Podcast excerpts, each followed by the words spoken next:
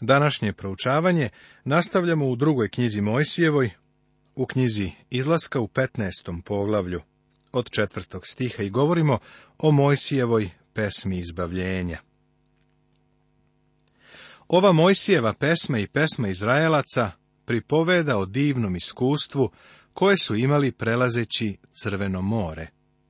Njihova pesma prenosi priču o onome što su vidjeli da Bog radi – i o onome što je Bog učinio za njih.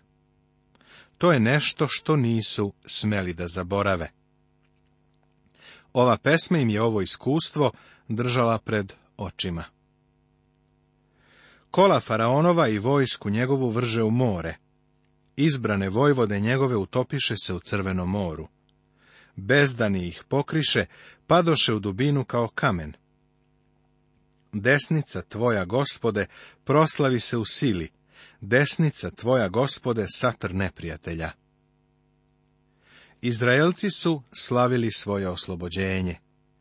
Egipat i Egipćani su za njih predstavljali svet, ropstvo, bespomoćnost i beznadežnost. Sada su izbavljeni. To je srž i suština njihove pesme. Seti se da su izašli iz idolopokloničke zemlje. Svako zlo je bilo usmereno ka jednom od egipatskih bogova. Pa do kakvog su zaključka Izraelci došli? Ko je kao ti među silnima gospode? Ko je kao ti slavan u svetosti, strašan u hvali i da čini čudesa? Bog ih je o samom sebi učio divnu lekciju. Ti pruži desnicu svoju i proždri ih zemlja. Vodiš milošću svojom narod, koji si iskupio, vodiš krepošću svojom u stan svetosti svoje. Izrael je bio izbavljen narod. Izbavljenje naroda je na prvom mestu. To je danas važno. Bog od tebe ne traži da uradiš za njega ništa, dok ti sam ne budeš spasen i dok ne prihvatiš spasenje koje je Isus Hristos dovršio na krstu. On od tebe ništa ne traži. On ni od sveta ništa ne traži. Bog ne govori ovako. Ako se dokažeš, ako dostigneš viši standard, umiješ se, ograbuljaš, središ dvorište, dobro urediš ulaz, spreman sam da ti budem komšija. Bog ništa ne želi od ovoga sveta. On izgubljenom svetu kaže sljedeće. Šta ćeš uraditi sa mojim sinom koji je umro za tebe? Ponovo poslušaj stih 13. Vodiš milošću svojom narod koji si iskupio, vodiš krepošću svojom u stan svetosti svoje. Zvuči kao da si već u obećanoj zemlji. Barem kad je Bog u pitanju, oni jesu u zemlji, jer će ih On odvesti tamo. Gospod će carovati doveka.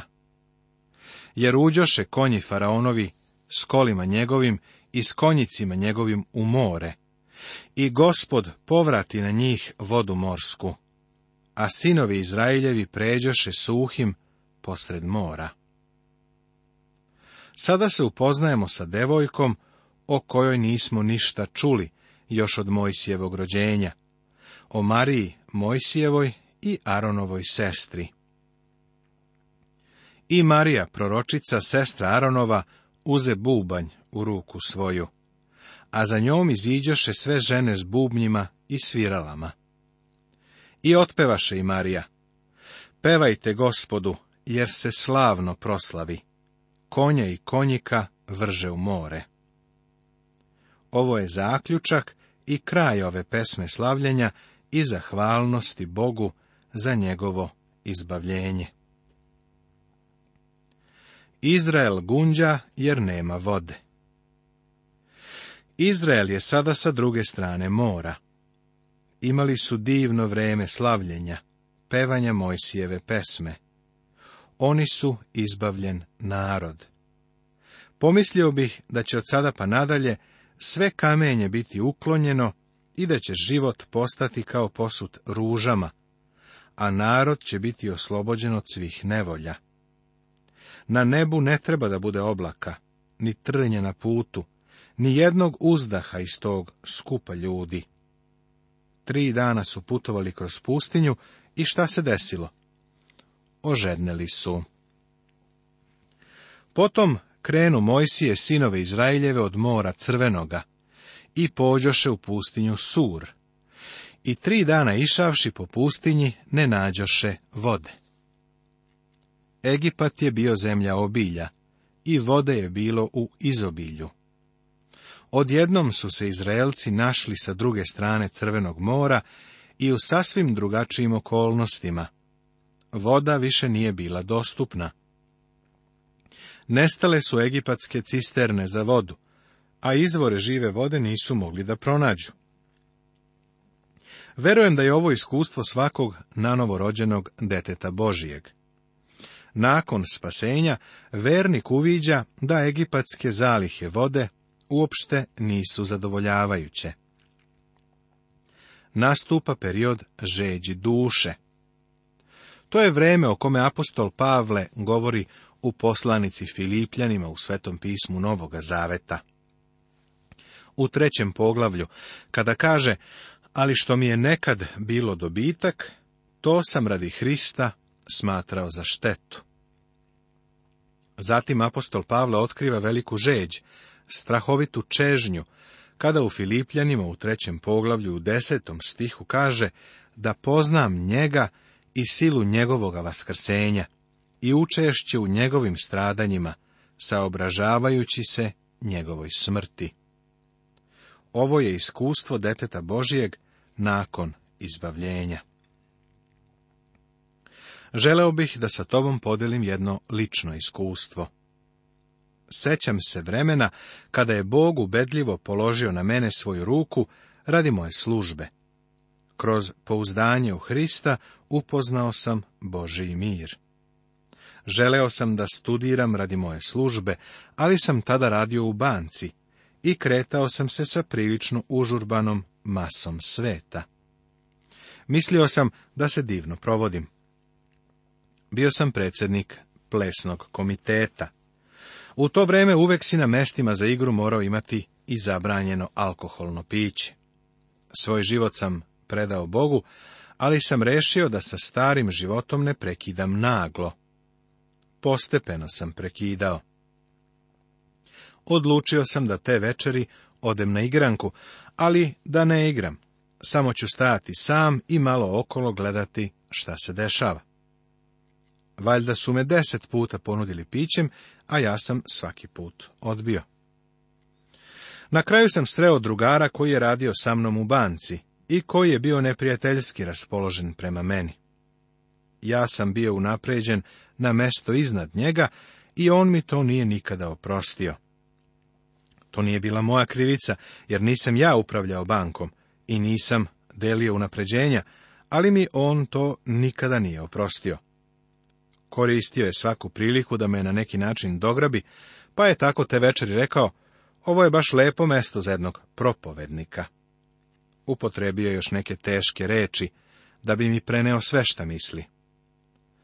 Došao sam do zaključka da je tačno to što je rekao, pa sam kao pas povijenog repa sišao niz stepenice i izašao na ulicu. I dalje sam iz daljine čuo kako svira orkestar, zamalo da se okrenem i vratim. Želeo sam da se vratim i da kažem to momku vidi, ostaću ovde sa društvom. Hvala Bogu, što to ipak nisam uradio. Nakon spasenja uvek usledi taj put u pustinju. Pomalo ožedniš, ali egipatske zalihe vode te jednostavno više neće zadovoljiti. Tražiš živu vodu, a u stvari ne znaš gde da je nađeš. U to vreme ja sam vrlo malo znao iz Biblije i nikako u svemu tome nisam mogao da pronađem svoj put. Ali uskoro sam pronašao Evanđelje po Jovanu, sedmo poglavlje, 37. stih. A posljednjeg velikog dana praznika stajao je Isus i vikao govoreći, ako je ko žedan, neka dođe k meni i neka pije. Kako je divno doći k njemu. Oni su žedneli, a nisu pronalazili vodu. I to je bilo njihovo iskustvo, sada imaju drugo iskustvo koje nije mnogo bolje. Odande dođoše u meru, ali ne mogoše piti vode u meri, jer beše gorka. Otuda se prozva mesto mera. I Mojsije zavapi ka gospodu, a gospod mu pokaza drvo, te ga metnu u vodu, i voda posta slatka onde mu dade uredbu i zakon i onde ga okuša. I reče, ako dobro uzaslušaš glas gospoda Boga svojega i učiniš što je pravo u očima njegovim, i ako prigneš uho zapovestima njegovim i uščuvaš sve uredbe njegove, ni jedne bolesti koji sam pustio na misir neću pustiti na tebe, jer sam ja gospod, lekar tvoj. Njihovo drugo iskustvo sa ove strane Crvenog mora bilo je gorka voda mere. Putovali su tri dana u pustinju i ožedneli su. Kada su konačno stigli do vode, voda je gorka i ne može se piti. A seti se da su Izraelci sada izbavljen narod. Mera je bila na putu kojim ih je Bog vodio. On je taj put obeležio za njih. Možda to ne razumeš, ali oaza u meri je normalno hrišćansko iskustvo. Kada hrišćanin naiđe na gorko iskustvo, zbunjen je i zaprepašćen. Neki ljudi kažu, zašto Bog dopušta da mi se to dešava?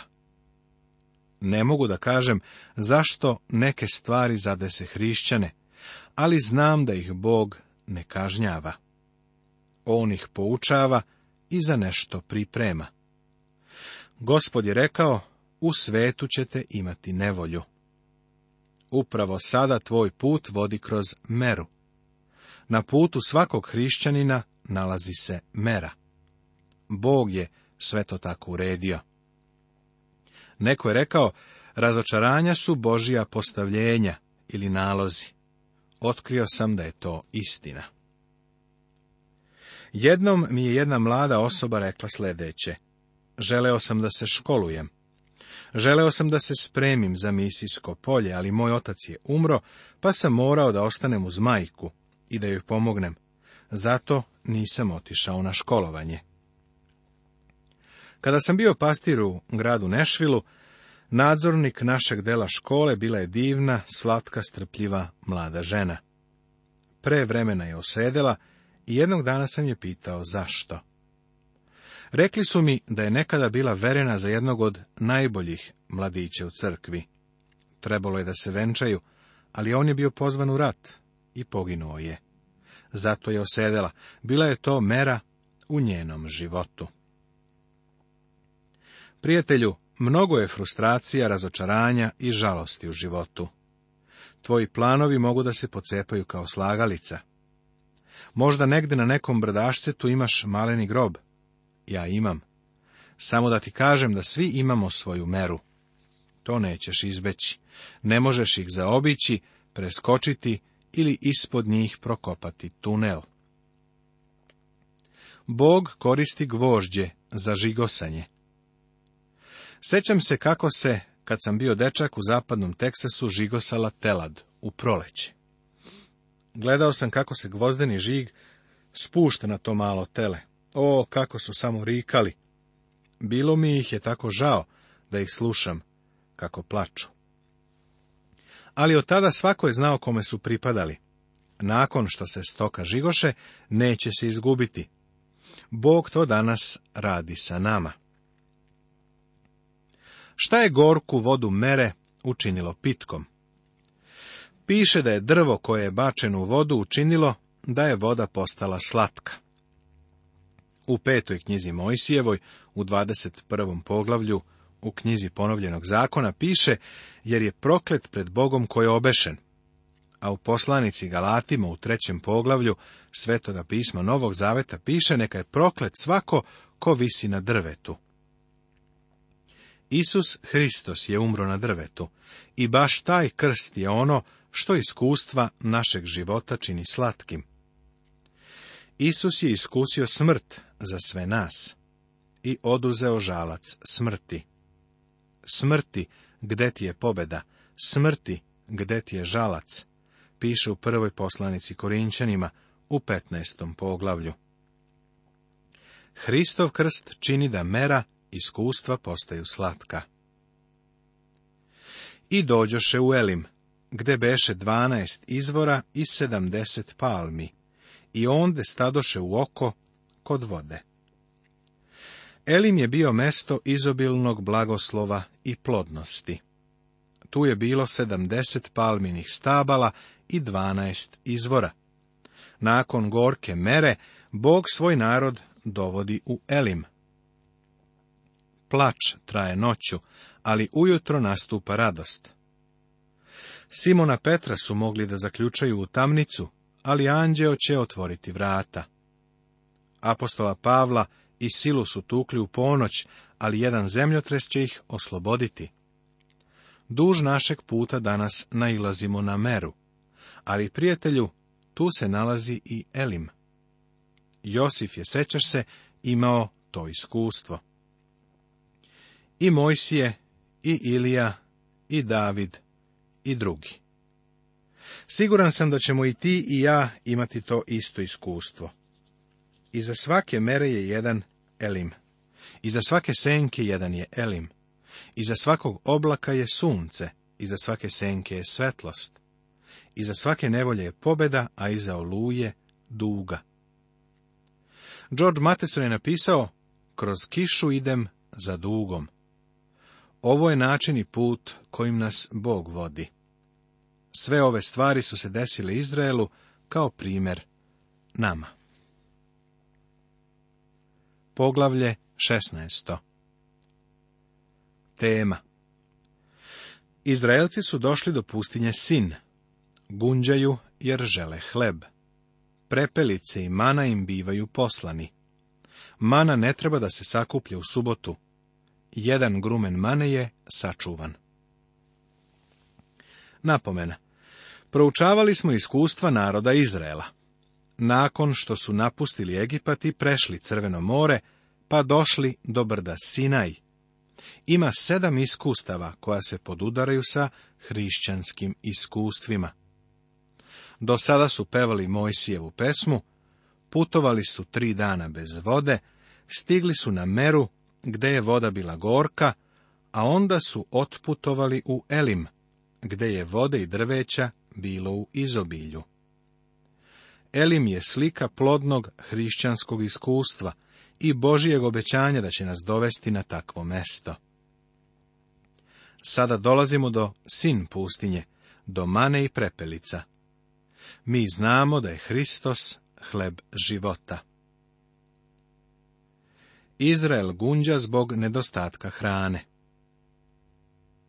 Od Elima se podigoše i sav zbor sinova Izraeljevih dođe u pustinju Sin, koja je između Elima i Sinaja. 15. dana drugoga meseca, pošto iziđoše iz zemlje Misirske. I stade vikati sav zbor sinova Izraeljevih na Mojsija i na Arona u pustinji. I rekoše im sinovi Izraeljevi, kamo da smo pomrli od ruke gospodnje u zemlji Misirskoj, kad seđa smo kod lonaca s mesom i jeđa smo hleba izobila. Jer nas izvedoste u ovu pustinju da pomorite sav ovaj zbor glađu. Prošlo je tek negde oko dva i po meseca, od kako su Izraelci napustili Egipat. Kada su došli do Crvenog mora, počeli su da gunđeju. Kada su prešli more, pevali su Mojsijevu pesmu, pesmu izbavljenja. Ali nije dugo prošlo, a oni su počeli ponovo da gunđeju i da pevaju pustinski bluz. Mogli bismo ih nazvati gomilom svađalica. Želeli su da se izbave iz egipatskog ropstva, ali kada su dospeli u pustinju, nestalo im je vode i hrane, pa su počeli da se žale. Setili su se egipatskih lonaca sa mesom pa su čeznuli za njima. Ima mnogo ljudi koji su bili izbavljeni od greha, ali su onda poželeli da se vrate starom načinu života. Mnogi od nas su imali takvo iskustvo. Jedan čovek mi je rekao da je bio spasen od krijumčarenja pića i teškog pijanstva. Kada se obratio Bogu, znao je svako krijumčarsko mesto okupljanja u njegovom gradu, i prvih nekoliko meseci nakon svog spasenja nije se ni usuđivao da prođe pored tih mesta, jer je znao da bi ušao unutra. Rekao je, gledao sam one lonce sa mesom, ali hvala Bogu, danas ih mrzim. Nastavit će se.